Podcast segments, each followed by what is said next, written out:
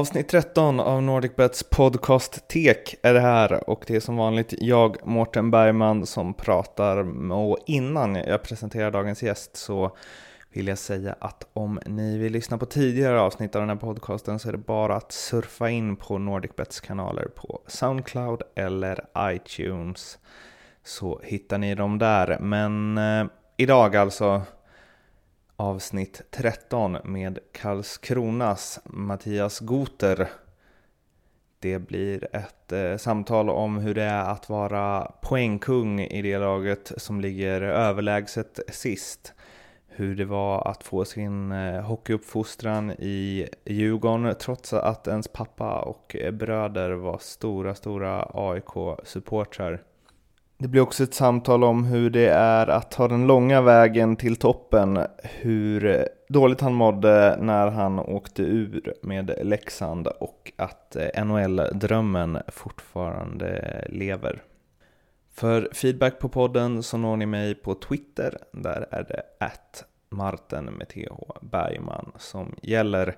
Men nog ordat och vi spolar tillbaks klockan till början av januari i Karlskrona, Mattias Goter. Mycket nöje. Jag eh, brukar fråga de jag intervjuar vad deras, eh, deras eh, lagkamrater skulle säga om dem ifall jag frågade dem. Men jag har frågat en lagkamrat till dig eh, vad han har att eh, säga om dig. Och detta var i samband med att du fick eh, lämna Djurgården och då sa han att eh, Säcken är av den gamla skolan och föredrar forward som sätter huvudet under armen och bara kör. Eh, Goter är oerhört kreativ och duktig om man används på rätt sätt, men att sätta huvudet under armen och bara köra finns det andra som är bättre på. Han är en ganska känslig kille, men om man har ett mänskligt ledarskap så har han ett riktigt starkt driv och jobbar stenhårt för lagets bästa. Bra tränad, sniper, snabb, ingen tacklare och inte grythund, men jobbar hårt. En av de bästa killarna jag spelat med. Vad ja. känner du när du hör det? Eh, jätteskoj att höra. Jag tror faktiskt jag vet vem det där kan vara. Men eh, nej, det är såklart jätteroligt eh, att höra ifrån en eh, tidigare kollega och eh, om jag tror att det är rätt eh, person så är det eh, även en kompis. Det kanske det är. Stämmer det då? Är du en eh, känslig kille som inte stoppar huvudet under armen och bara kör utan att tänka och känna? Ja, jag tror att jag är mer... Eh, jag tror jag är väldigt lik det, det han säger och, och jag tror att jag... Jag vet inte, folk pratar rätt mycket om att eh, det finns hockeyspelare som grubblar och man ska inte tänka utan det är bara att köra. Men eh, jag tror att jag eh, gillar att analysera och jag gillar även att, titta på video liksom vad man gör och vad man kan göra bättre och vad man gör bra. Och jag, är väl, jag, jag håller med om att jag jobbar hårt och, och, hela den biten men att jag kanske inte är den spelaren som eh, ja, som kan åka in. Jag väger inte så mycket och jag är inte så jättelång så att jag kanske inte är den som kan liksom bana väg på det sättet som vissa tränare kanske vill och väcka känslor på det sättet utan jag kanske spela med lite mer finess och, och den typen av hockey. Du, ehm, när man eh, googlar dig och klickar sig in på Wikipedia eller går via Elite Prospects för den delen så eh, moderklubb eh, Lidingö Vikings. Förutom det grymma namnet. Hur var det att lira där? Jo men det var, det var kul. Jag började ju, jag tror att jag var fem, jag tror att man skulle börja när man var sex men min pappa tog över eh, Lidingös 87-lag. Så jag började ett år tidigare och eh, ja, vi var några 88 som var med i det laget.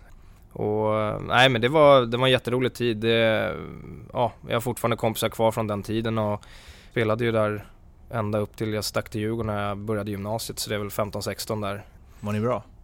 Ja, vi var ganska framgångsrika. I alla fall 88 87 var, jag var bara med där, jag kommer inte ihåg exakt hur länge men jag var nog med tills vi såg att 88 var ett så pass bra lag. För annars så brukar man väl vilja försöka vara med de som är äldre liksom. Men eh, vi hade ett bra lag och vi, jag tror att vi är hyfsat många som fortfarande håller på. Mm. Från 88-laget. Det är ju jag, eh, Patrik Lund i Växjö och Eddie Läck. Tobias Lindström som nu spelar i Norge. Emil Billberg tror jag håller på fortfarande, gamla Södertälje. Greger Hansson som nu spelar borta i USA.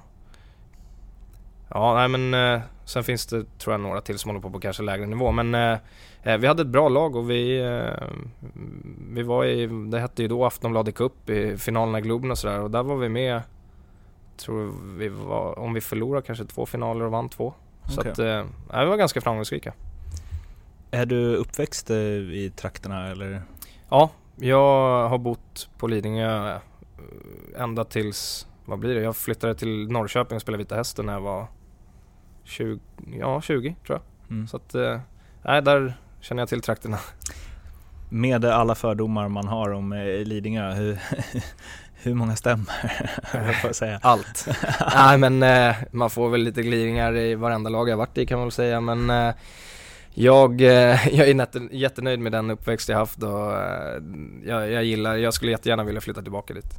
Är det med silversked i mun som det heter? Ja, det är väl en av glidningarna man får. Men eh, nej, alltså jag tycker inte att vi hade det så i alla fall. Men eh, nej, det är helt klart en, eh, ett bra ställe att växa upp på tycker jag. Var det ett elitsatsande Lidingö Vikings liksom tidigt och så eller? E- Egentligen inte tror jag, utan eh, vi var, jag tror att Lidingö hade ett ganska bra 83-gäng. Eh, och sen så kom det några kullar som var helt okej. Och sen så hade vi ju, eh, både 88 och 86 hade Per Wirén, eh, en, en tränare som, eh, eh, ja, han körde väl kanske hårdare än, än andra eh, tränare på den, alltså i den åldern. Men eh, det var inte så att vi tränade någon styrketräning eller sånt där utan det var mer, vi körde ju mycket, han gillar ju ryska skolan så det var mycket eh, teknikträning med kula och mycket smålagsspel och hela den biten och eh, Ja, vi som gick i, gick i skola ute på Lidingö, alla som bor där ute vet ju att det är så nära till Dahlénhallen som det hette då. Så att man var ju nere mycket på allmänhetens åkning och, och sådär. Men jag tror inte att eh, det var någon elitsatsning på det sättet. Det, det tror jag inte. Hur fort eh, fattade du att eh, det här är jag ganska bra på?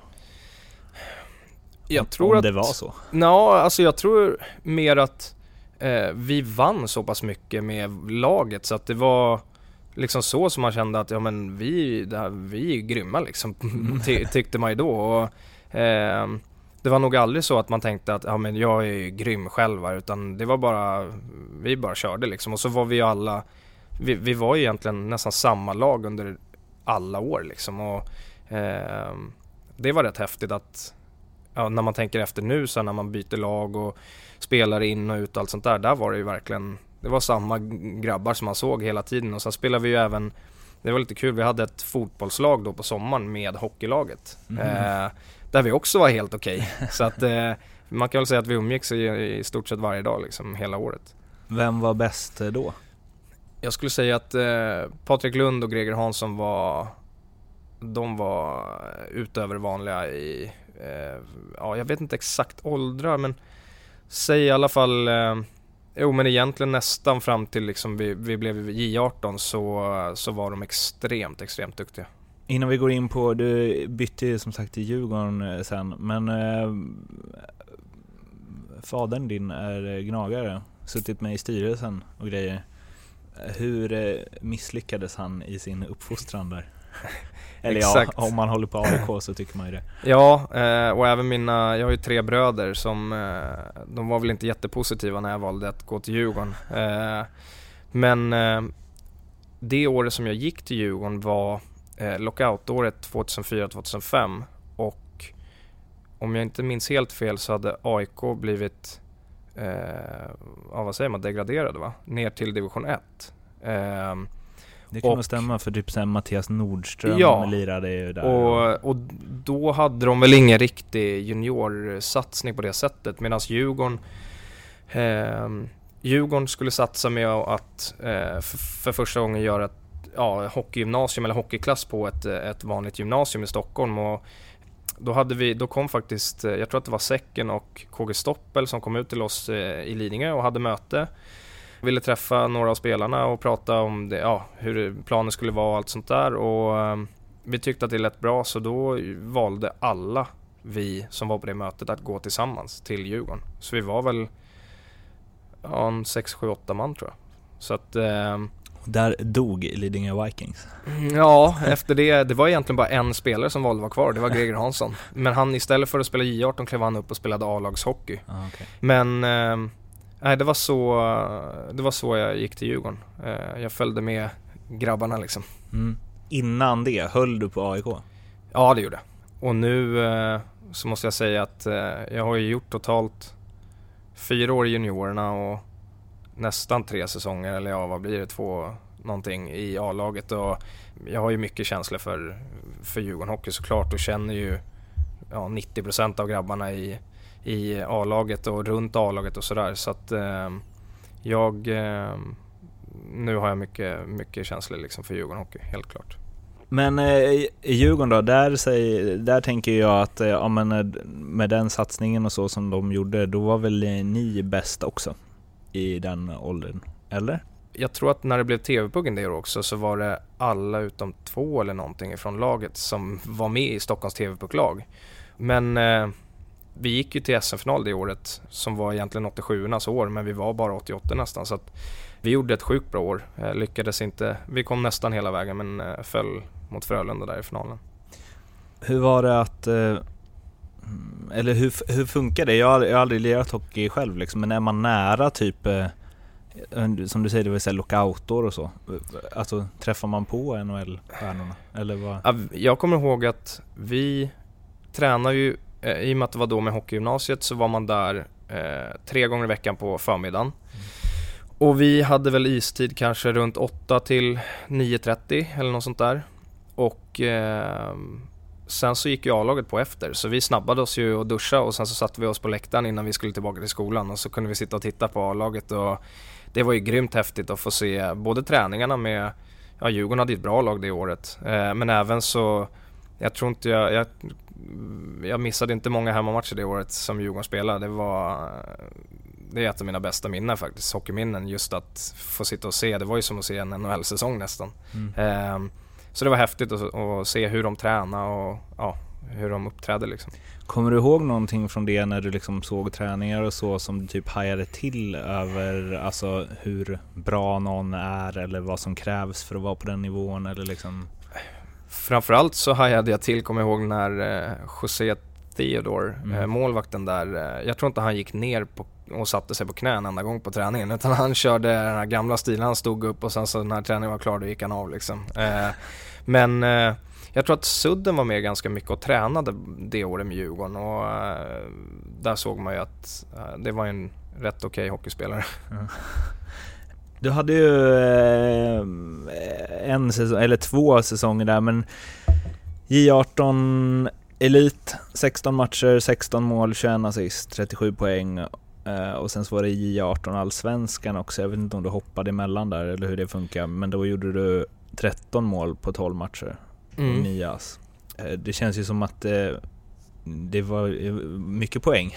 Ja, egentligen så blev det väl att eh, det året så gick många av de 88 från året innan gick upp i J20 medan jag och några till var kvar i J18 och spelade mestadels där. Jag var med några matcher, jag kommer inte ihåg vad det står. Eh, men eh, och jag fick eh, en stor roll i, J18-laget och 89 som kom in det året var, var bra spelare och ja, jag eh, jag hade bra flyt, men det är väl kanske konstigt att säga att man har bra flyt en hel säsong liksom. Men det kändes jättebra och jag har fortfarande bra minnen därifrån när eh, att få göra så pass mycket poäng och mål framförallt. Eh, men var det utvecklande då, eller var det för bra för det? Eh, men, ja, om man tittar på J18 Elite som är innan jul så möter man ju då, vi mötte ju bara Stockholmslag mm. och då var nog eh, skillnaden alldeles för stor eh, i och med att Djurgården satsar så stenhårt liksom med mm. hela juniorsatsningen. Så då, då, det kunde ju bli 10-0 och sådana resultat och det kanske inte är jätteroligt eh, och då måste man ju göra mycket poäng om man ska hänga med liksom. Efter jul så blev det bättre, då blev det ju den här J18-allsvenskan och, och, jag tror att det var de bästa, kan det ha varit bästa fem, sex lagen ifrån södra och norra som slogs mm. ihop. Men jag lyckades, eh, ja, peta in eh, bra med poäng där också och det kändes jättebra. Sen eh, tror jag vi åkte ut i kvarten redan i slutspelet så det var inget roligt. För vi hade ett jättebra lag det året med spelarna som kom ner från J20 då ner 88 och sådär. Vad hade ni för, alltså förutom ni som kom från Lidingö? Det måste ju varit... Ja, vi hade ju i, i mål så hade vi ju Stefan Riddervall. Mm. Eh, och jag tror Eddie Läck var med fortfarande då innan han gick till Leksand va? Mm. Tror jag. Och vi hade från AIK kom eh, Oskar Eklund, en Mm. kille som hette Tim Johansson Bräck. Och sen hade vi de som var kvar ifrån Djurgårdens 88-lag var Mikael Allén, Mm. en kille som heter Jimmy Jensen. Ja, vad hade vi mer för spelare? Ja, andra året där kom ju 89 och då var det Kalle Gustafsson, Oskar Möller, en kille som hette André Elnefjärd, Alexander Deilert. Mm. Så det var mycket, mycket bra spelare. Djurgården fick ju egentligen alla spelare från Stockholm som de ville ha kändes som. Eh, Det var väl en 88 egentligen som inte följde, följde med kan man väl säga till Djurgården. Det var Robin Figren som stack ner till eh, Frölunda. Mm. Eh, Men vi hade, vi hade väldigt bra lag de åren. När du... Ehm, alltså du, där någonstans måste du eller måste det ju ha gått upp för dig att du var, eh, hade någon form av talang för hockey liksom. Men när man gör sådär extremt mycket poäng, då tänker jag att även om det är på en nivå där man känner att ah, jag kanske är lite för bra för den här nivån, så kan det vara lätt att bara, fan vad jag är bra. Uh, hur, eh, hur tänkte du kring det? Jag tror att jag tänkte att ehm, jag tänkte nog aldrig att eh, ja, men jag är för bra eller sådär utan Jag kände ju att de spelarna som jag hade spelat med året innan, eh, 88 som hade fått gå upp i J20 eh, medan jag fick vara kvar i J18 och jag kanske på den tiden var lite, lite för liten, alltså vek. Jag vägde inte speciellt mycket och eh, hade inte jättemycket muskler och, och var väldigt liten. Då eh, var det nog ett ganska bra år att få, få eh, bra med självförtroende och, och då kände jag liksom att ja, men, eh, jag ska verkligen visa att jag ska upp i J20. Sen så blev det inte så här jättemånga matcher i J20 det året och vi hade, eller ja, Djurgården hade ett bra J20-lag. Så att eh, jag kände nog bara att jag ska göra allt för att de ska tro på mig liksom. När tänkte tänkte du att eh, jag eh, kommer kanske kunna jobba som hockeyspelare? Det var nog eh, när jag kom till... Alltså egentligen så tror jag att det första tankarna kom när jag fick vara med i A-laget i den här, då hette det Nordic Trophy. Mhm. Och det gick jättebra eh, på en försäsong. Det var mitt sista J20 år och då kände jag liksom att ja, men om jag jobbar stenhårt så, så kan jag nog, ja men om jag inte kommer liksom få kontrakt av Djurgården så kommer jag nog i alla fall kunna vara i Allsvenskan eh, och ta mig den vägen till, eh, tillbaka till SHL. Men eh, eh, det var nog då, eh, för innan så känns det som att ja, men juniorhockey är något helt annat än att spela A-lagshockey. Och det är ju jättemånga som är ja, men, superstars eh, under J18 och J20 och sen så försvinner de. Jag tror nog att det var där, mitt sista J20 år, när jag fick vara uppe och träna och, och sådär ganska mycket under försäsongen som jag kände att ja men det här kan jag nog satsa 100% på. Jag hade ju redan gjort det sen jag var ja, liten liksom så, men då blev det ju mer allvar. Mm. För den säsongen som eh, Nordic Trophy gjorde du också elitseriedebut, eller hur? Ja. Hur ve- minns du det? När du fick reda på att du skulle spela i elitserien för Djurgården? Nej, det var häftigt.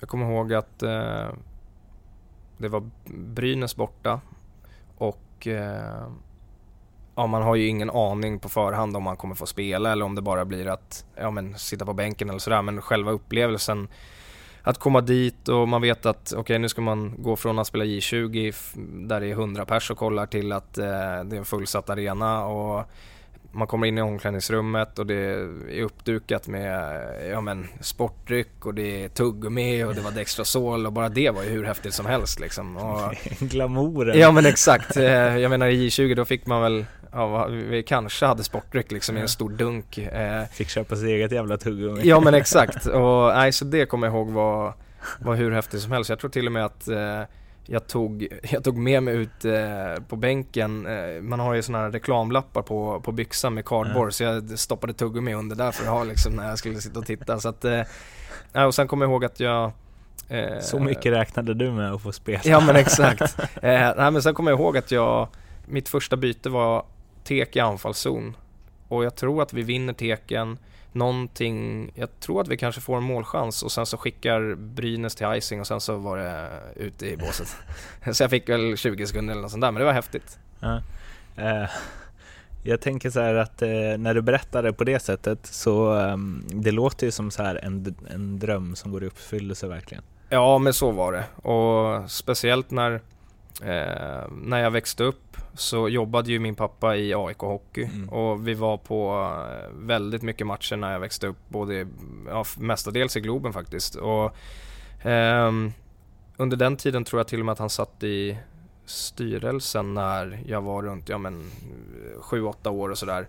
Och då kommer jag ihåg att vi alltid fick gå ner ifrån läktaren på Globen och sen gå i gångarna under bort till Hovet igen eh, och fick gå med spelarna och, och då kommer jag ihåg att ja, men det var ju det häftigaste man fick göra liksom att gå bredvid mm. spelarna och se deras, ja men när de går där med utrustningen och, eh, och då kände jag bara att ja, det här vill jag, det här vill jag syssla med. Sidospår, men de måste ju ha haft en del goa lirare då, var inte det då det var såhär Patra, Prochaska, Veivoda och jo, Kiprosov? eller och... pappa hoppade av det året de kom. Ah, okay. eh, men, eh, men innan dess så var det ju, ja mina idoler då var väl eh, Anders Gossi och Myran Gustafsson och Björn Ahlström och Mats Lindberg och mm. eh, det var ju de och vad heter han, Gan. Det var mm. ju de, de var ju grymma där eh, något år. Eh, det är väl eh, de tror jag som ja, är liksom fast på näthinnan liksom. Men var det, var det då du började så fantisera om att det här ska jag också? Ja, i och med att ja, men det här med NHL var ju så långt borta. Man, mm. Det är klart att man visste vilka Peter Forsberg och de var, men det var inte så att man tittade speciellt mycket på NHL eller klipp överhuvudtaget, utan det var ju elitserien då som, eh, det var ju det största liksom. Mm. Kände du när du fick chansen i elitserien att um, vad ska man säga, kände du att du, så här, att du höll där? Eller kände du att det här är ändå en nivå upp? Jag, jag tror att eh, när jag var med på träningarna eh, på försäsongen och sen Nordic Trophy, då kände jag att ja men det här det här kan jag nog klara av. Men, eh, och sen när man var med på träningarna under säsong och man var med liksom bara en träning för att någon var skadad eller sjuk eller sådär så kände man ja men ja, det här borde jag kunna klara. Sen när väl matcherna kom ja men som debuten, säg att jag spelade 30 sekunder och sen så var jag med två matcher till, en helt på bänken kommer jag ihåg och sen spelade jag kanske en, två minuter mot eh, något annat lag på Hovet och då det blir något helt annat seriespel jämfört med då, även om Nordic Trophy var lite tävling så blir det ju ändå lite annorlunda. Så då kände jag väl att ja, man kanske, kanske kan spela till sig ett kontrakt och bli utlånad och få spela mm. Allsvenskan. Men eh, så blev det inte. Jag fick gå den långa vägen istället. Du eh, fick inte nytt kontrakt va? Så Nej. var det väl? Mm. Och så hamnade du i Vita Hästen och det var inte ens Allsvenskan? Nej, egentligen mitt sista J20-år som jag själv tyckte gick bra och man fick vara med och lite A-laget och se och lära och lite så. Så var jag under ett av de här landslagsuppehållen eh, tillsammans med två andra i J20-laget eh, så fick vi vara med Nyköping och träna som då låg i Allsvenskan. Eh, och jag tyckte det gick bra och vi spelade någon intern match och ja, vi var med på en 3-4 träningar. Så tanken var väl kanske egentligen att försöka eh, skriva på där, men då fick ju de ekonomiska problem och mm. blev eh, degraderade till division 1 och då var det ja, jag kommer inte ihåg, men det var några division 1-lag som ja, ville ha mig och då kände jag att ja, jag testar Vita Hästen. Jag visste ju ingenting om dem eller sådär. Men eh, kände att eh, ja, jag, jag, jag, får ta det helt enkelt. Eh, jag hade inte så mycket val. Division 1 eh, i hockey verkar vara så sjukt knepig serie. Tar mycket tid ja. Eh, och ger inte så mycket i plånboken om Nej. ens något. Exakt.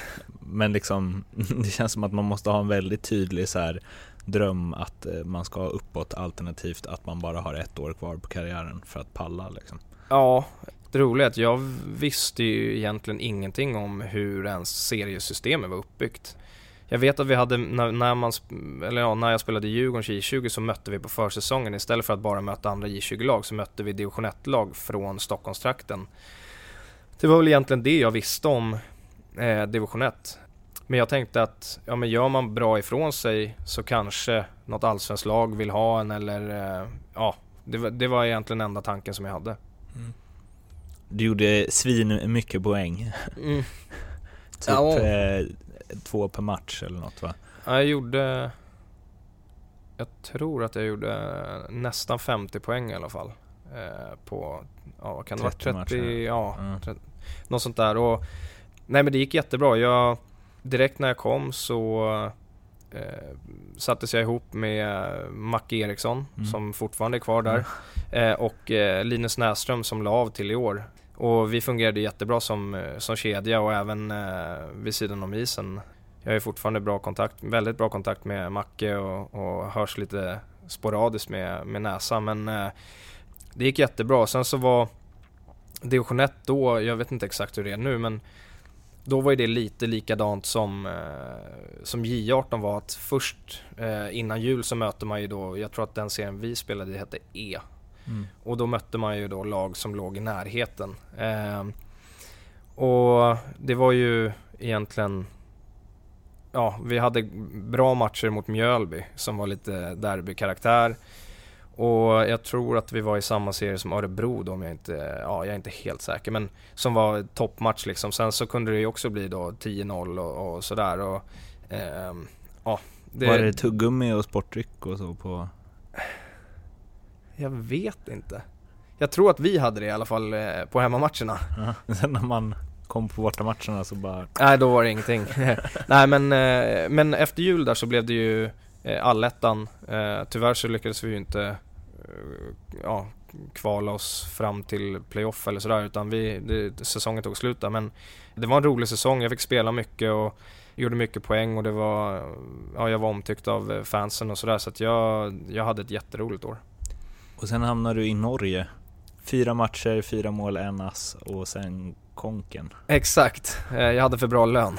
Eh, nej, det hade jag inte, men eh, jag kände att efter... Jag kände egentligen att jag trodde att jag hade gjort då tillräckligt med poäng eller sådär för att kunna få ett allsvenskt kontrakt. Fick inte det och ehm, då kände jag att jag vill inte vara kvar i division 1 och hamna i något sorts fack eh, som många spelare hamnar i. Att det är svårt att ta sig upp ifrån division 1 till allsvenskan.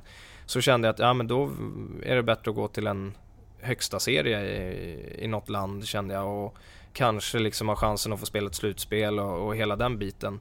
Och så hade jag tre spelare som jag hade spelat med i Djurgården som var i norska ligan då eh, och sa att det var, ja men det var helt okej okay klass liksom och ja men då kände jag att ja, men det är lika bra att testa. Tyvärr så, jag tror att jag var där i två månader eller något sånt där. Sen så var den säsongen slut i Norge. Nej men eh, det, det blev konken och då ja, kontaktade Oskarshamn mig. Hade du bra lön under de två månaderna?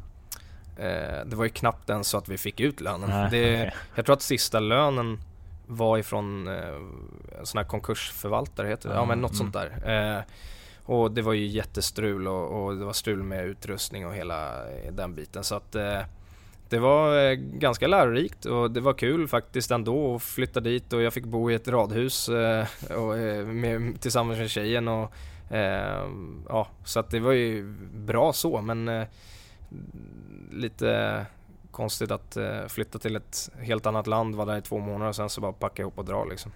Om jag föreställer mig lite så, du gör en, eh, du tycker att du gör det bra i Djurgården. Du får inte förlängt där fast du varit med och tränat massor med A-laget. Eh, du tänker att ja men då kör vi allsvenskan då. Mm. Inget allsvenskt intresse hamnar i division 1, gör svin mycket poäng, tycker att du ändå så bevisat dig själv. Mm. Men fortfarande är ingen från Allsvenskan som vill ha dig. Sticker till Norge, konken. Mm.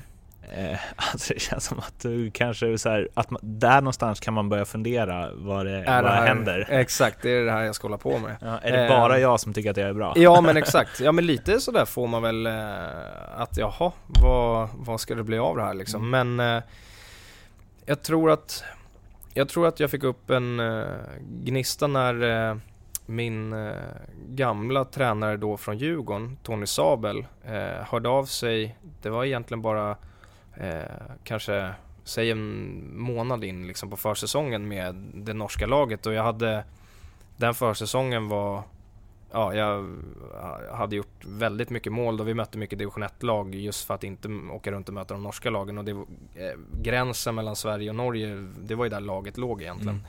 Eh, så vi var inne och mötte svenska lag och, och då hörde han av sig och frågade ja, men om jag var intresserad av att sticka ifrån Norge till Allsvenskan för att Västerås eh, ja, kunde vara intresserade, något sånt där. Och då blev jag, ja självklart, men jag tror inte att eh, det här laget kommer släppa mig för Mm. att det har gått så bra. Eller liksom. Och sen så ja, tog det en månad till och så konkade vi, men då eh, var Oskarshamn först på, på mig kan man väl säga. Ja, men de Mm. var väldigt heta och eh, då blev det att jag gick dit istället. Hade du då någon känsla för eh, hur, hur, vilken nivå du höll? Kändes det så här, nu jävlar ska jag visa alla att jag håller i Allsvenskan? Eller kände du så här, undrar om jag gör det? Eftersom Ja. det tog sån jävla tid innan någon... Ja men lite, alltså jag hade ju aldrig spelat en enda match i Allsvenskan och jag tror inte jag hade mött något allsvenskt lag alltså på försäsong, inget sånt där heller tror jag. Och, ehm, så det var jättesvårt att veta och på den tiden så visades ju, vad kan det varit, en match i veckan kanske på om det var så här TV4 Sport. Eh, så man hade sett liksom någon gång ibland någon allsvensk match men eh, jag hade ju ingen aning om Oskarshamn, vad det var eller var det låg eller sådär. Och, ehm, så när, när Oskarshamn ringde så det var ju, det roliga var att de ringde tror jag en timme efter vi hade gått i konkurs på en fredagkväll. Och då var det ju bara in på Google direkt och försöka hitta, jaha vad är det här och vad är det för spelare? Och, Ja. eh, då kände man ju faktiskt igen några spelare som var där. Men eh, sen så dök jag upp där på måndagen tre dagar senare och eh, ja, jag hade ingen aning om vad jag skulle förvänta mig faktiskt. Det be- var det första, nu har ju som sagt Elite Prospects-sidan eh, dött eh, och i Karlskrona har de som bekant inget eh, internet. Eh, Så var, alltså 12 mål, 0 ass, var det första? Ja det var det. Det, det är, den är ändå god. Ja, det, det, var, det var lite roligt. Jag spelade tror jag totalt 30 matcher eh, med Oskarshamn. För jag kom ju lite sent där och sen så, om jag inte är helt ute och cyklar, tror jag åkte på en axelskada eller något sånt där. Men jag gjorde 12 mål och 0 assist. Och eh, Slumpen eller? nej, jag vet faktiskt inte vad. Vi, vi var ju, vi kom ju dyng sist i året eh, Mm. och kvalade oss ju kvar. Och det roliga var att jag tror att det var i första kvalmatchen, då gör jag assist. eh, och det var värsta jublet, kommer jag ihåg i laget. Eh, så att, eh, men det var lite, jag har alltid gjort, eller jag har oftast gjort mer mål än assist. Men sådär extremt tror jag inte att jag varit med om tidigare. Vem hade du bredvid dig? Eller vilka? Jag spelar med lite olika. Så det var inte så att du hade någon som bara passade hela tiden? Nej, jag spelade lite vet jag med Sjödell Wiklander och sådär men i och med att ja, vi förlorar mycket matcher och sådär så laborerade de lite hit och dit Mm. eh, ganska friskt. Är det något du verkligen vill berätta om Almtuna, annars går vi till Djurgården? Ehm, ja, jag hade, jag hade kul första året. Då hade jag ju Niklas Anger eh, som lagkamrat och det är ju eh, en upplevelse i sig. alltså varför det? Nej men det är en, eh, en grym, eh, grym kille. Jag är ju ja, även kompis med vid sidan om nu Mm. för tiden och han, eh, han är ju faktiskt min bankman. Eh, men, eh, nej, men han, fjäsket. Exakt. Eh, så han får hjälpa mig på traven med mina pengar. Nej men han, ja extremt eh, rapp i käften Mm. och eh, en skön kille att ha att göra med helt enkelt. Vad kände du när, eh, när Djurgården hörde av sig? Jag blev jätteglad. Jag, eh, ja för det första så satt jag och tittade året innan när de åkte ur och tyckte att det var helt sjukt. de hade ju på pappret grymt bra lag. Och, men eh, ja, kände väl då att eh, det vore ju häftigt att få komma tillbaka och spela inför de fansen och ja, men liksom bevisa att eh, ni gjorde fel eller liksom som inte behöll mig förra gången. Och eh, gick dit och jag tycker det gick eh, bra den, eh, den säsongen. Jag tror jag spelade 10 ja men 10 matcher eller något sånt där, gjorde runt en poäng per match och sen tyvärr så åkte vi på en skada när det här playoffet var. Och vi tog oss inte hela vägen till kvalserien men eh, jag blev jätte, jätteglad när, eh, när jag visste att eh, det var liksom ett konkret intresse. Året efter gick det ju bättre. Ja, då gick vi hela vägen. Hur var det? Eh, Ja, det är ju det, är det häftigaste jag varit med om. Nu fick ju jag en skada igen inför eh, kvalserien. Du lir, lirade du typ alla matcher Ja, eller jag åkte på eh, sista hemmamatchen. Eh, så vad blir det? Match nummer 51 va? Mm. Eh, åkte, ja det var ju en så konstig situation. Jag blev pååkt när jag skulle åka och byta. Eh, pucken är kanske, jag vet inte, 20-30 meter från där jag är och eh, pajade knät. Eh, och ja, så att eh, jag eh, fick sitta på läktaren hela den kvalserien. Men eh, Hur var det? Hur var det när du fick reda på att det är kört? Liksom? om jag ska vara ärlig så kände jag ganska direkt att jag kommer inte kunna spela mer. Ja, direkt när du fick spela? Ja, från början så trodde vi väl, eller vi hoppades väl på att det bara skulle vara inre ledbandet som eh, hade gått men eh, eh, det visade ju sig att jag hade, ja som de sa, något trauma på korsband och sen även eh, så fick jag en fraktur på utsidan av, eh, jag tror det var vadbenet.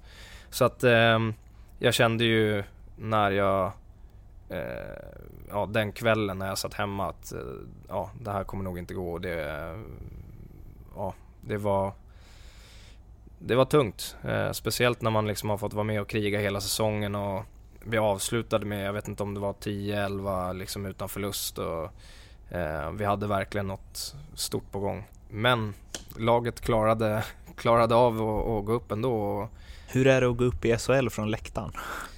Alltså, i och med att man har varit med och krigat liksom en Mm. hel säsong och allting så är det såklart hur roligt som helst. Sen så är det, tror jag, extra roligt att få vara liksom nere på isen med utrustningen på. Eh, jag stod ju där nere i båsen med kryckor och mitt eh, skydd över hela benet och, och med matchtröjan på kavajen liksom. Men det var en jätte, jättebra känsla. Samtidigt så var det ju lite tråkigt att man inte fick vara med Mm. liksom, när man är skadad så är man ju med i laget men på något sätt ändå inte för att man man är inte med på matchsnacket och man är inte i omklädningsrummet i periodpausen och innan match och sådär så att det är lite annorlunda. Du ehm, var inne på förut att eh, du så gillar att analysera och lite så. Eh, när du står, all, alla idrottsmän och kvinnor säger ju att ah, det är så mycket jobbigare och mer nervöst att sitta vid sidan av. Ja, Tyckte du också det eller gick du in i någon form av eh, eh, Jag tänker kanske finns ett coachämne eller något i dig?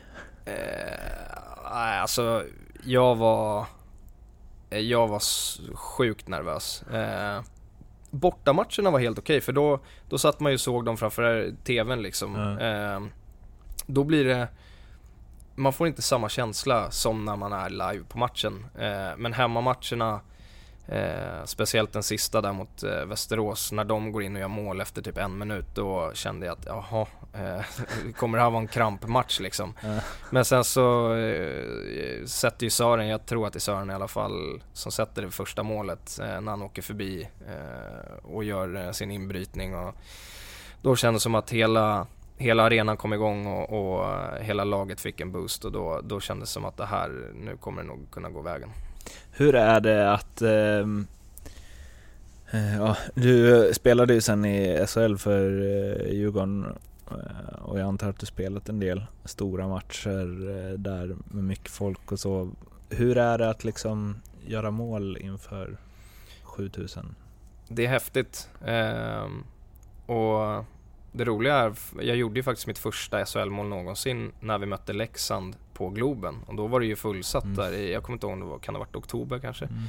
Ehm, men ehm, även fast det var då nästan 14 000 på, på Globen så är Hovet, det är nog helt magiskt att göra mål eh, på hemmaplan där. Det är, eh, ja, det är någonting med den arenan som gör att trycket blir något helt, ja, det är helt sjukt faktiskt. Eh, det roliga nu när man eh, kommer tillbaka som bortalag och man står på Hovet och, och ska försöka prata med varandra i båset innan liksom nedsläpp och sådär så är ju ljudnivån, den är, ja, man får ju stå och skrika till varandra liksom.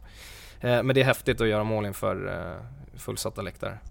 Märker du Märk, eller så här, känner man att de, nu när du är där som bortalag, att de inte håller på dig?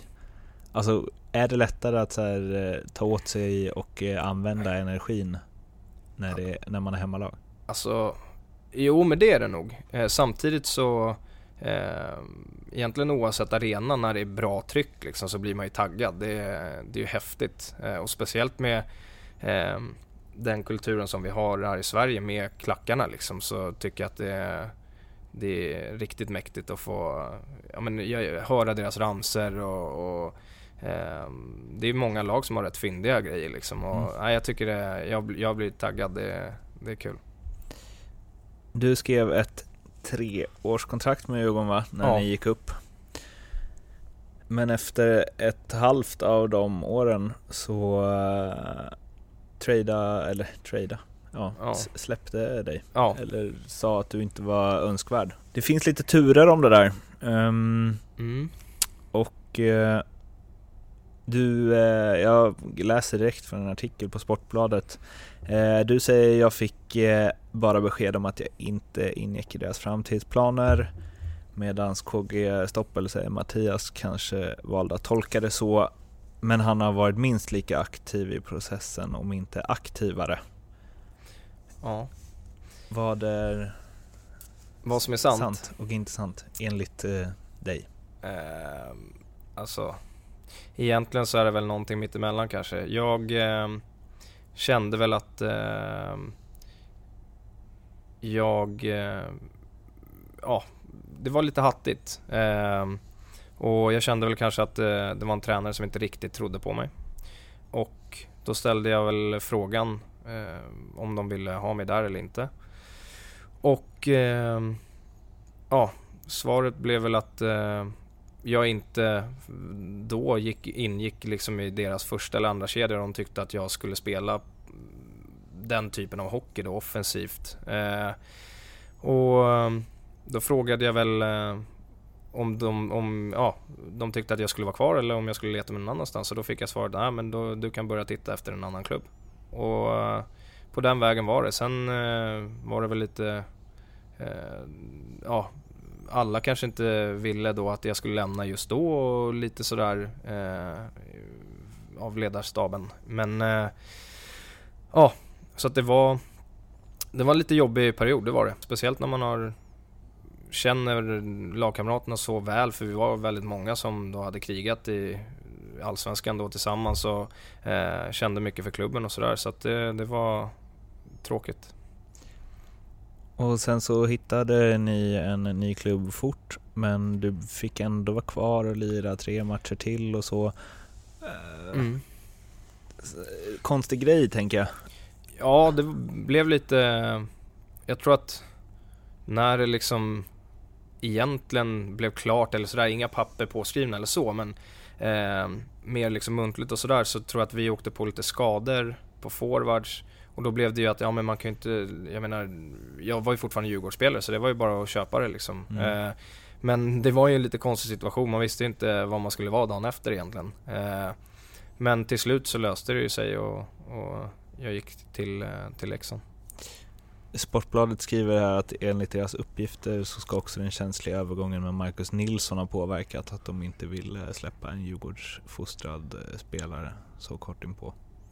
Ja, det, ja, som du säger, jag, det, där har jag bara läst. Jag ja, tänkte väl inte egentligen på det där och eh, jag kommer ju ihåg när Mackan kom och eh, med presskonferensen. Alltså. Exakt, det var ju riktigt kaos där ett tag. Men, eh, eh Vad tänkte du som spelare då? När Mackan kom? Ja, och liksom allt som det rörde Nej, upp. För det första tänkte jag att det var sjukt strångt av honom att sitta på den där presskonferensen och eh, det måste ju varit fruktansvärt jobbigt. Eh, mm. Både för honom och även för Djurgården tror jag att liksom göra det där. Eh, Men eh, jag tyckte att det var Nej, det var snyggt gjort och jag, det, det, blev ju, jag menar visst det var väl lite eh, hetsig stämning sådär för jag satt faktiskt och tittade på den men eh, eh, jag, tyckte, jag tyckte de gjorde det bra. Det som jag eh, inledde med att eh, Säcken är av den gamla skolan och förra forward som sätter huvudet under armen och bara kör. Hade det med att du inte eh, lyckades där, tror du? Ja, ja jag tror det. Eh, lite grann. Eh, jag hade ju Säcken mitt första år i, eh, i J18 när jag kom till Djurgården och eh, vi kanske inte hade någon eh, jättebra start så där. Vi har aldrig bråkat egentligen så eller överhuvudtaget. Eh, men jag tror inte att hans ledarskap fungerar så bra för mig personligen. Utan eh, jag tror att jag behöver eh, ja men kanske lite mer eh, ja vad ska man säga, positiv vägledning och eh, lite mer trygghet kanske än vad han kunde ge mig. Och eh, ja, på den vägen är det. Du hamnade i Leksand, fick ja. en, eh, om jag inte minns helt fel, jävla pangstart avgjorde mot eh, Brynäs där med 20 sekunder kvar eller vad det var. Ja. Men det slutade inte heller så himla bra. Nej. Eh, Berätta om tiden där liksom. Ja, men jag kom in eh, eh, i Leksand och eh, vi, min första match var mot Skellefteå borta. Det var väl ingen jättelätt uppgift. Eh, och sen så eh, hade vi Brynäs hemma, eh, fullsatt och ja, vad kallar de det? Är det Gävle-Dala-derby? Ja, mm. och ja, lapp på luckan och det var en jäkla fest liksom. Och vi vann med 3-2 och jag lyckades peta in ett mål och en assist där tror jag i slut. Det var, jag tror att båda grejerna kom liksom i sista fem minuterna eller någonting. Och, eh, sjukt häftig upplevelse och eh, det kokade liksom där inne. Och, eh, härlig, härlig start på, på min eh, Leksandsresa liksom. Tyvärr så Ja faktiskt efter det tror jag att vi av bara farten vann mot Djurgården också. Eh, efter det hade vi ju, ja vad kan vi ha haft? 12, 13. gjorde du mål mot Djurgården då? Nej, Nej. jag gjorde aldrig det. Eh, då hade du gjort en sån fingret framför munnen. ja, exakt. Nej, ja. Men det var en, jag kommer ihåg att det var en sjukt konstig känsla att bara liksom fem, sex dagar efter att ha spelat där möta dem. Det kändes ju som att var det i Hovet också? Nej, Nej. det var uppe och det var skönt. Men det kändes jättekonstigt eh, på matchuppvärmningen att liksom, jaha, vad är det träning nu eller vad är mm. grejen liksom? Men eh, nej, sen eh, så gick ju inte den säsongen speciellt bra som lag. Känner man sånt? Att alltså det sjuka det här kan bli svårt? Ja men alltså det konstiga när jag när jag kom in och vi vann då mot Brynäs vann mot Djurgården och sådär, då tänkte man ja men vi har ju något bra på gång liksom. Och, eh, sen vet jag inte vad som skedde. Det blev liksom förlust på förlust och ja först så jag tror att de tog bort Bäcklin först. Mm. Bara någon vecka kanske efter att jag kom och efter det så hoppade ju, eller jag kom ju Sjur in. Och så hoppade, ja och sen plockade de ju in eh, Tore Jobs och sen så hoppade ju Äpplet av. Så det blev mycket som hände på väldigt kort tid och laget orkade liksom inte ja, hitta energi kanske och vinna matcher då. Varför åkte ni ur? Alltså vi, vi fick ju jobbiga skador på nyckelspelare samtidigt som Kekkonen åkte väl i, kan det ha varit andra matchen han åker på en avstängning. Och ja, då... Nej, Malmö var samtidigt bra och spelade ja, egentligen samma spel som de spelar nu, liksom sätter stenhård press och vi lyckades inte ja, vi lyckades inte vinna de rätta matcherna helt enkelt. Det, jag trodde verkligen, verkligen inför sista matchen att ja, men det här, vi tar det här liksom. Men eh, nej, föll på målsnöret. Du eh, brände straff? Ja, dessvärre. Ja, nej det var... Jag trodde jag hade honom väl hyfsat men eh, fick inte upp pucken. Och samtidigt så var ju det ganska tidigt in i första perioden om jag inte minns helt fel och känner att ja men vi har ju liksom chans att eh, vinna den här matchen ändå. Men nej, de, de satte två, jag tror att de satte två väldigt snabba kassar mm. i andra perioden där och går ifrån. Eh, och vi orkade inte resa oss efter det. I en eh, sån liten by där alla nästan bryr sig. Mm. Eh, hur var det?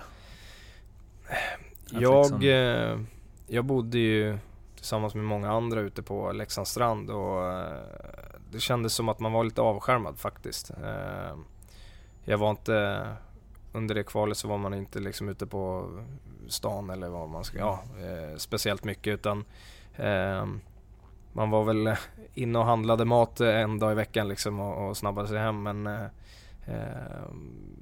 jag tror att de, de eh, spelarna som hade varit där ett tag fick eh, ta lite mer skit. Mm. Vad, vad var dina känslor liksom? Alltså, hade du åkt ur tidigare? Nej. Eh, mina känslor, eh, ja men direkt efteråt är man ju helt tom. Och sen när man ja, får eh, liksom under försäsongen och ja, men tiden efter där så det är ju ett stort misslyckande och man är ju, det känns som att man eh, eh, ja, man, eh, ja vad ska man säga, man har liksom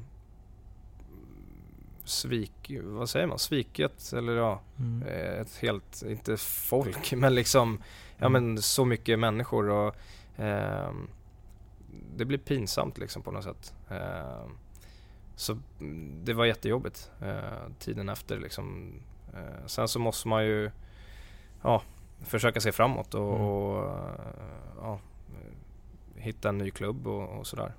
Jag tänker det så här hur man typ hanterar det. Att så här, dels eh, visst, tänka på sin egen karriär men också så här lika eh, fett som det måste vara att göra mål inför folk som jublar åt en. Mm. Att så här veta och jag tänker även om man det går inte att ducka helt antar jag Nej, från, vad, från all besvikelse vad folk tycker. nej så är det Hur, ju. hur, eh, hur hanterar du det? Alltså, Nej, men alltså det är ju är det bara så här må piss ett tag och sen Ja men alltså direkt efteråt så gör man ju det. Och sen, jag menar när jag tänker tillbaka på det fortfarande så, så är det ju, ja men, vad ska man säga, plump i protokollen. Nej men det är Mm. ju sjukt tråkigt och eh, det är ju ingenting som man är stolt över liksom, har varit med om. Eh, egentligen lika stolt man är när man gick upp med Djurgården, lika besviken är man ju, ja men personligen liksom, att man inte lyckades. Mm. Eh, Sen är man ju ett lag eh, så att det är inte, man kan ju inte gräva ner sig själv helt liksom utan ehm, Men ehm, Nej det är, Ja, jag menar alla tar det väl på olika sätt och sådär och ehm, Jag var inte där så här jätte, jättelänge men eh, man får ju fortfarande eh, Ja men känsla för liksom klubben och, och de som är runt omkring och sådär Nej men det är, det är klart att det är en jobbig tid efteråt, det är det. Var det givet att eh, vara kvar i SHL? Liksom? Ja, det var det väl. Eller alltså, jag hade ju kontrakt eh, om jag ville Mm. eh, i Leksand. Eh, men eh, jag kände att eh, om jag får eh, anbud från SHL så kommer jag hoppa på det för att jag känner att jag, det är där jag vill vara. Mm. Och om man ska sammanfatta din tid här och er tid i eh, SHL så ehm, bra mot Djurgården. Eh, konstigt nog, nej det är faktiskt inte så konstigt tycker jag kanske så för att när jag väl, eller när jag spelade i Djurgården och vi mötte Karlskrona så eh, hade vi tufft eh, Mm. när vi mötte dem och eh, på något sätt så verkar det sitta i fortfarande. Men annars går det inte så himla bra. Nu ska jag inte måla fan på väggen och så, men om man ska vara gå enligt all logik Mm. så kommer ni spela kval. Ja. Om- Ehm, då får vi göra det bästa av situationen och, och ehm, ja, men komma dit med och ha det spel som, som vi verkligen tror på eh, så ska vi ja, i sådana fall klara en eh, sju serie mot ett allsvenskt lag. Och du som har varit med om att inte klara det, vad säger du till eh, dina lagkamrater? Så här ska vi inte göra. Oj. Vi ska inte släppa in fler mål eh, än vad vi kan göra fram. Nej men eh, framförallt så är det ju Eh, där är verkligen den här klyschan att eh, det är nästa match liksom. Eh, man kan inte se framåt överhuvudtaget utan ehm, det, det, är verkligen nästa period och, och nästa match hela tiden. Och, ehm, tro på det vi gör. Eh, kan inte börja liksom spela en och en utan eh, det är laget som ska göra det då. Hur är det att, för, för dig personligen har det ju gått eh, ganska bra. Du gör en del poäng och mål och mm. Hur är det att liksom eh, att det funkar själv men att ni ligger dyngsist? Ja, nej men det är ju alltså Det tråkiga är att man eh, Jag menar, gör man poäng personligen så, så får man ju ofta eh, bättre självförtroende och det som har varit jobbigt nu är ju att vi liksom kan ha folk som då gör lite poäng och sådär men att vi får liksom inte glädjas med laget. Alltså eh, laget får liksom ingen självförtroende och jag tycker det är en Ja, det är svårt. Eh, jag menar, jag själv tycker att jag har spelat bra hockey och eh, känner mig eh, ja, bra tränad och som att jag hör hemma på den här nivån och eh, då på något sätt så är det jobbigt när inte poängen trillar in för laget liksom. Mm. Eh, det blir en konstig känsla. Spelar du hellre precis på den rollen du vill ha i ett eh, lag som det går sämre för än att eh, ha huvudet under armen och checka på i en fjärde lina i, i typ Skellefteå?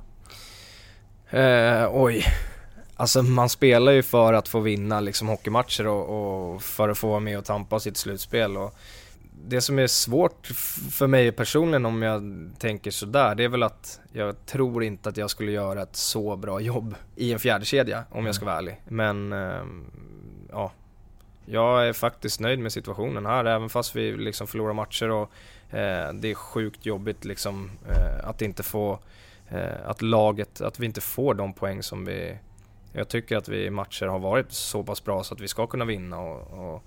Varför har det inte funkat hittills då för laget? Är det liksom eh, Alltså det är, ni har tagit extremt lite poäng. Är ni eh, Är det så stor skillnad mot Hockeyallsvenskan liksom?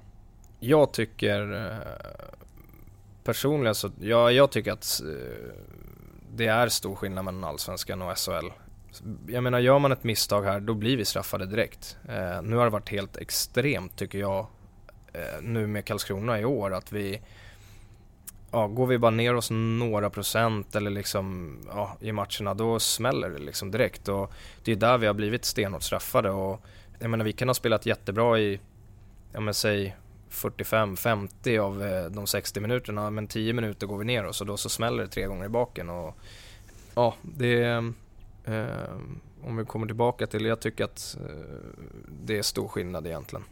Hur eh, ser du på din, eh, din egen kommande karriär? Alltså hur bra tänker du att du ska bli? Det där är så sjukt svårt tycker jag. För jag menar, säg att man ena säsongen spelar hur bra som helst, gör mycket poäng och så andra säsongen så kan man komma in i säsongen, det känns jättebra man gör lite poäng i början, man får en skada, kommer tillbaka och man ska kriga sig in i laget och hela det där. Jag tycker det är så svårt, eh, men jag, jag tycker nu, förra året var ju min första SHL-säsong och det var mycket att eh, ja, men, en helt ny liga och det ja, men, allt är så mycket större rent mediamässigt och runt omkring. Och det är ju bättre spelare och en bättre liga. Och, eh, jag visste inte alls hur jag skulle, ja men hur jag stod eh, mot de andra spelarna men jag tyckte jag gjorde det helt okej okay min första säsong och i år så har jag börjat mycket bättre och känner att jag har på den här nivån att göra och det är så svårt att säga. Jag menar Vissa har en bra säsong i SHL och sen så är de i KL eller de är i NHL mm. eller sådär så jag tycker det Jag försöker ta egentligen en säsong i taget och se var det bär mig liksom. Men jag tänker så att du, du är en del av karriären där du kanske så här någonstans lärt så här, känna dig själv hur, bra, hur pass bra du är och vad du är bra på och hur du ska foka, hur du ska träna och så vidare. Eh, ser du något liksom, något, alltså har du gett upp NHL? Nej, egentligen så det har jag inte. Däremot så kanske man inte som när man var runt 18, 19, 20 att så här, jag, jag ska till NHL annars är det ett misslyckande eller mm. sådär. Ja men eh, man var väl lite dum och Rimlig krav. Ja men exakt. Det, eh, det var ju som när man var ännu mindre när det var, kommer jag inte med i TV-pucken lägger jag av med hockey, typ den. Och, men som du sa så tycker jag att man nu, jag är ju 27 och har lärt mig vad min kropp behöver och hur jag ska träna och vad jag behöver träna på. Eh, vad jag eh, är bättre på på isen, vad jag behöver träna mer på. Eh, nu senaste egentligen 3-4 åren så har man ju börjat ännu mer med hela den här videobiten och ja, kan få alla sina byten på datorn liksom direkt efter matchen och se ja, men vad man gör bra och mindre bra och vad jag behöver tänka på.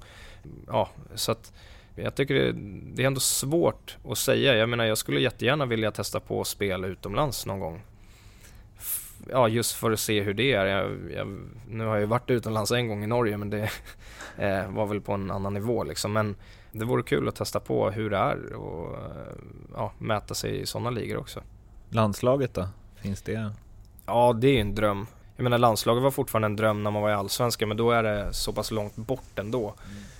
Nu eh, när man är i SHL och eh, då tycker jag verkligen att eh, nej, det vore ju hur häftigt som helst att få dra på sig landslagströjan. Och, jag menar presterar man bra nog så ja, då är det helt klart rimligt. Eh, sen måste man prestera bra över tid. Eh, det räcker ju inte med att vara bra en vecka och bara ah, nu ska jag vara med i landslaget utan man måste ju eh, prestera bra egentligen en hel säsong nästan, eller ja, för att, eh, för att få komma med. Um, som uh ni vet som lyssnar på den här podden förut så eh, googlar och youtubar jag så gott jag kan. Eh, Youtube är du, finns, eh, som de flesta intervjuer i den här podden, finns inte sjukt många highlights-videos uppe. Det, det, finns någon där du berättar vad du ska göra under sommaren. ja, ja, just det. Och att GB Sandwich är din favoritklass. Yes. Men eh, googlingen eh, desto mer och eh, Tråkigt ämne men måste tas upp för nästan exakt tre år sedan så finns det en rubrik som är eh, Goter i blåsväder efter homofobiskt blogginlägg. Ni som vill eh, läsa om det kan googla rätt på den. Men eh, du ska få kommentera så här tre år efteråt. Vad hände och vad känner du? ja, eh, ja, vad ska jag säga? Eh, egentligen vill jag inte kommentera den. Det var bara något, ja, någon, eh, något konstigt blogginlägg, ja, från en, ja, vad ska man säga? Det är väl, eh, ja, min brors bekant kan man väl säga. Men det var en jättekonstig grej och man kan väl säga att han ville göra ett ganska roligt inlägg av med konstiga frågor egentligen. Mm. som blev brutalt uppförstorat och sen så har det ju blivit, om man läser den intervjun där, eller intervjun, om man läser Aftonbladets artikel om det så är det ju väldigt vinklat så att, eh, men eh, ja, mer eh, behöver jag nog inte förklara. Men du är inte homofob? Nej, det är jag inte och jag tror, eller jag hoppas att alla som känner mig och umgås med mig vet att jag inte är det och så att nej, det där var ju en jättetråkig grej då för tillfället. Eh, nu är det ju som du sa, vad är det, tre år sedan? Ganska mm. exakt tror jag snart. Och um, jag har lagt det där bakom mig. Vi pratar om liksom så här att, eh, ja men jobbiga känslor inom hockeyn, typ som när man åker ur med ett lag. Mm. Att, alltså mediastorm-grejen. Eh, eh alltså jag kan ju typ få en touch av ångest av att eh, läsa att folk är med om jobbiga saker. Ja. Hur var det?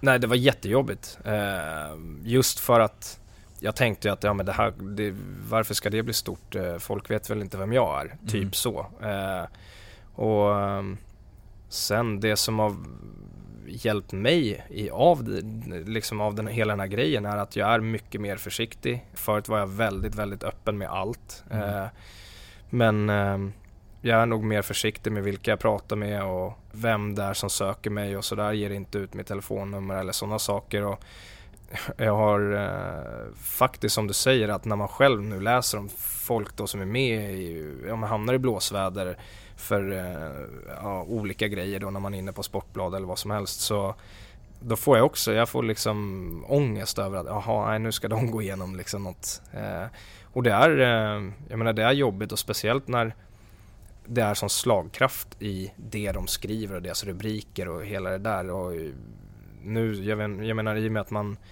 om man spelar på den här nivån så är det ju mycket media och hela den biten. Och eh, man har ju lärt sig att eh, folk sitter och försöker hitta de bästa rubrikerna liksom och sådär mm. för att få ja, men klick och läsare och hela det där köret. Så att, eh, jag förstår väl dem också. Eh, men jag tycker nu när man då när man ser folk som är med om det så förstår man att det är sjukt en jobbig tid för dem. Liksom.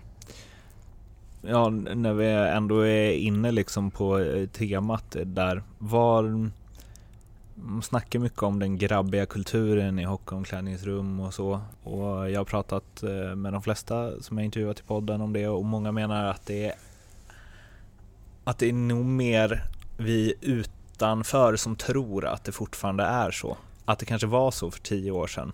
Ja. Och definitivt för 15 år sedan.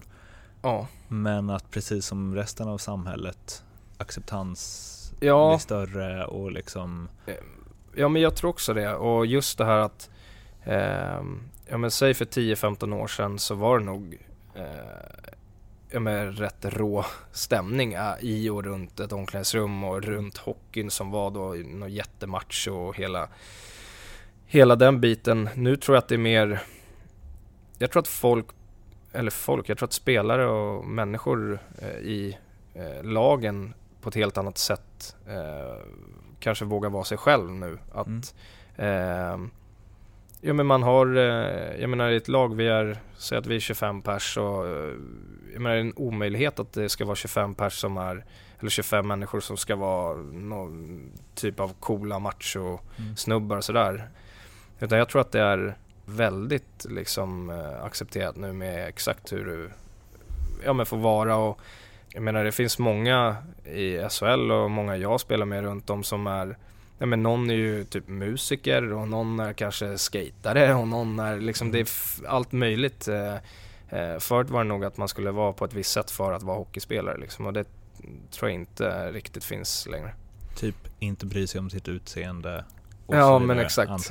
Nu, eh, nej men nu är det ju väldigt viktigt med vax och mm. hela den biten efter Eh, sen kommer väl jag få skit för det, för jag är väl värst där. Nej, men, eh, eh, det är helt annorlunda nu tror jag jämfört med, jag var ju inte med för 10-15 år sedan Nej. på A-lagsnivå så, men eh, jag tror att eh, det har ändrats ganska mycket. Om, om vi ställer den frågan seriöst då, som du fick, som ledde till det där blogginlägget. Om, det hade kom, om någon av dina lagkamrater hade kommit ut som homosexuell, hur tror du det hade tagits emot i gruppen? Jag tror att, om jag ska vara ärlig, tror jag ändå att det hade varit alltså rätt lugnt. Det, jag menar det är ändå så pass, alltså i alla fall i de lag som jag var i nu senast och även här. Jag, jag menar när jag kom in här i, i Karlskrona nu för, säg att det är ett halvår sedan eh, som jag började liksom träna och sådär. Och, eh, det är ju så pass öppet och alla är så välkomnande och, så att jag tror inte att, om jag ska vara ärlig, tror jag inte att det hade varit något problem. Är det någon som har kommit ut någon gång? Inte inom hockeyn tror jag inte. Nej, visst är det inte det? det i, fotboll I fotbollen har det varit några och sen så... Amerikanska fotbollen. Eh, precis, och sen så han som är världens bästa freestyle skidåkare eller vad det är. Eh, som har vunnit OS och så. Det visste jag inte. Eh, det var ju bara någon månad sedan, ja. eller några veckor sedan. Men hockeyn tror jag faktiskt inte. Nej, det borde ju... Man tycker ju att det borde ske snart. Det känns ju som en eh, sak eh, som hade verkligen tagit det framåt. Mm. Alltså, och kanske att hockeyn hade blivit av med den där stämpeln en gång för alla. Liksom. Ja, det tror jag också. Nej, det tror jag verkligen. Ehm, för det jag menar även om det ska vara matcher när man är ute på isen och det är mm. attityd och, och eh, språket som används ute på isen och sådär är eh, rått såklart. Eller ja, såklart men det är hetsiga situationer som sker och eh, adrenalin och hela det. Så är folk väldigt bra på att liksom stänga av när man lämnar isen. Då mm. eh, är man ju ja, sig själv igen eller vad man säger. Mm. Avslutande enkätfrågor och du är faktiskt den första som fått titta på dem innan. Så nu Ja. hoppas jag att du har riktigt bra svar här. Ja, jag har ju min fusklapp här. ja, precis. Eh, den bästa spelaren som du har spelat med? Jag tycker det är sjukt svårt, men ska jag säga rent alltså meritmässigt så var det förra året med Micke Samuelsson som har då OS, eh, VM och Stanley Cup. Ehm, men jag måste få säga, ja men till exempel en sån som Jocke Eriksson eh, Mm. som jag spelade med och hade som lagkapten och, och spelade mycket med tillsammans då i kedjan. Som är den bästa ledaren jag har, eh, jag har spelat med alla kategorier. Eh, Sörensen, ja den talangen är eh, helt magiskt att se. Eh, men sen det är svårt, jag är ju, ja, Bengan Hörnqvist och jag spelade lite med Bremberg eh, och målvakter både Eddie Läck och Enroth. Och, nej, det är svårt. Eh, men jag, ja, jag vet inte vem jag ska ta, men om vi tar meriter så är det nog Micke Samuelsson. Vem är den eh, bästa du har mött som du känt att, eh, alltså om man kanske inte går på meriter utan man kanske går på att du tycker att shit vad han är bra. Ja, det är... Ja, jag skulle säga att det är nog under lockoutåret 2000, vad blir det, 12 va? 2013. När eh, vi hade, eller när Mora hade Kopitar och Bobby Ryan. Det var ju en fröjd för ögat att se. Eh, och även ja, när jag var med i 20 så mötte vi Bäckström där och han, det var, eh, den nivån var lite för låg för honom då i alla fall. Okej. Eh, är Ko- vad Koppit här så jag har hört andra spelare som pratat om honom att det liksom man, det går inte att ta pucken om Ja, han, han, inte eh, vill släppa den. Den, eh, nej, han, den räckvidden och, och skickligheten han hade var eh, den magisk att se alltså. Det bästa lagkamrat du har haft i som att ta med sig till en eh, öde ö och kanske även starta ett hockeylag med personen. Jag skulle nog ta eh, Mikael Alén. Eh, vi spelade ju tre eller fyra år där i juniorerna och även nu då i Djurgården. Han, vi har blivit väldigt bra kompisar och det är en sjukt härlig människa att vara runt. Och om man nu hade byggt upp ett hockeylag på två personer på en öde ö eh, så hade ju han kunnat lira i tredje fjärde kedjan och Exakt. brukat. Exakt. Eh, och jagat, eh, han, han jagar ju också så han, då hade han kunnat jaga mat åt mig. Just det. Medan du fixar håret. Exakt. Ehm, har du blivit eh, starstruck någon gång? Ja. Egent, ja, jag vet inte om det, det hände säkert när man var liten med när man såg elitseriespelare. Ja men typ, Mm. men eh, på senare år så är det nog när jag såg Zlatan. Han är, ja han, det, det var mäktigt. Eh, jag trodde inte att jag skulle bli det men jag blev helt liksom Även när jag såg, eh, jag var på semester för, vad kan det varit, tio år sedan nu kanske? Lite mer eh, och såg Foppa när han var liksom som bäst och då, eh, ja det, det var också, Sa du något? Nej jag stod bara och glodde på honom. Jag spelar också hockey. Ja men typ. eh, och det roliga är att den, två dagar efter så ser jag Ronaldinho. Eh, och det var ju under hans liksom Prime. prime nere i Barcelona. Så att, eh, det, den veckan var helt magisk. bra, bra spotting. Din största framgång? Hockeymässigt så måste det ju vara när vi gick upp i SHL med Djurgården. Eh, utan konkurrens egentligen. Och din största misslyckande? Leksand när vi åkte ur det också utan konkurrens. Det är sjukt tråkigt. Sen så en som jag inte skickade med för att den ska komma lite så här, uh, och du kanske försäger dig. Hur mycket tjänar du? Ah, eh, jag känner bra. Okej. Det- Känner du det bästa du har gjort i karriären? Ja det gör jag. Det sjukaste, konstigaste, mm, vad du vill som du känner att du kan eh, berätta on tape som har hänt dig inom hockeyn? Eh, oj.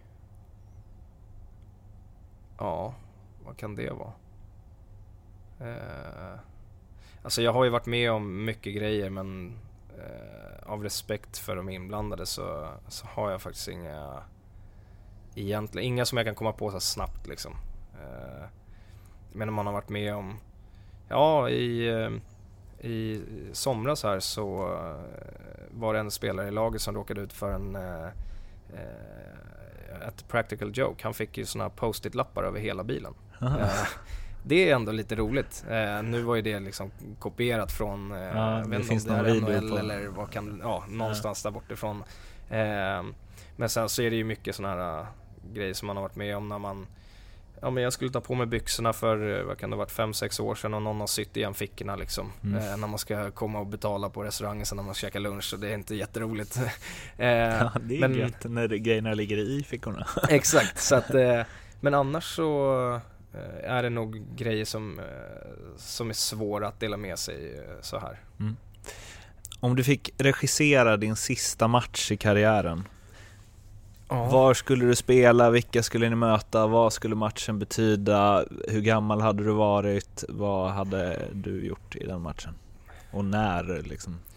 Oj. Eh, det, Det, skulle här ska nog... bara bam bam. Ja, nej men jag skulle nog... Eh, eh, jag skulle spela Djurgården, eh, SM-final. Eh, säg att jag är runt eh, 35. Eh, det är en minut kvar, match 7. Eh, och eh, jag, sätter, eh, jag sätter ett friläge till och med. Eh, och vi vinner SM-guld. Gött. Och vem skulle du vilja höra i den här podcasten? Det är egentligen två kanske som... Den ena är Stefan Nyman som jag tror kan eh, ha lite sköna stories och lite sånt där. Eh, och den andra är, eh, som jag tycker är väldigt aktuell just nu, Mantas Armalis. Eh, Och vet du vad? Honom har jag redan intervjuat så den Du har kommer det? i veckan faktiskt. Ja, eh, ja, men då får vi nog ta Stefan Nyman. Det kan bli lite kul och eh, han har nog rätt, ja men mycket hockey att, snacka om. Tror du han ställer upp? Jag hoppas det. Då eh, hälsar jag det när jag frågar. Mm. Eh, tack så jättemycket Mattias för att du ställde upp. Tackar.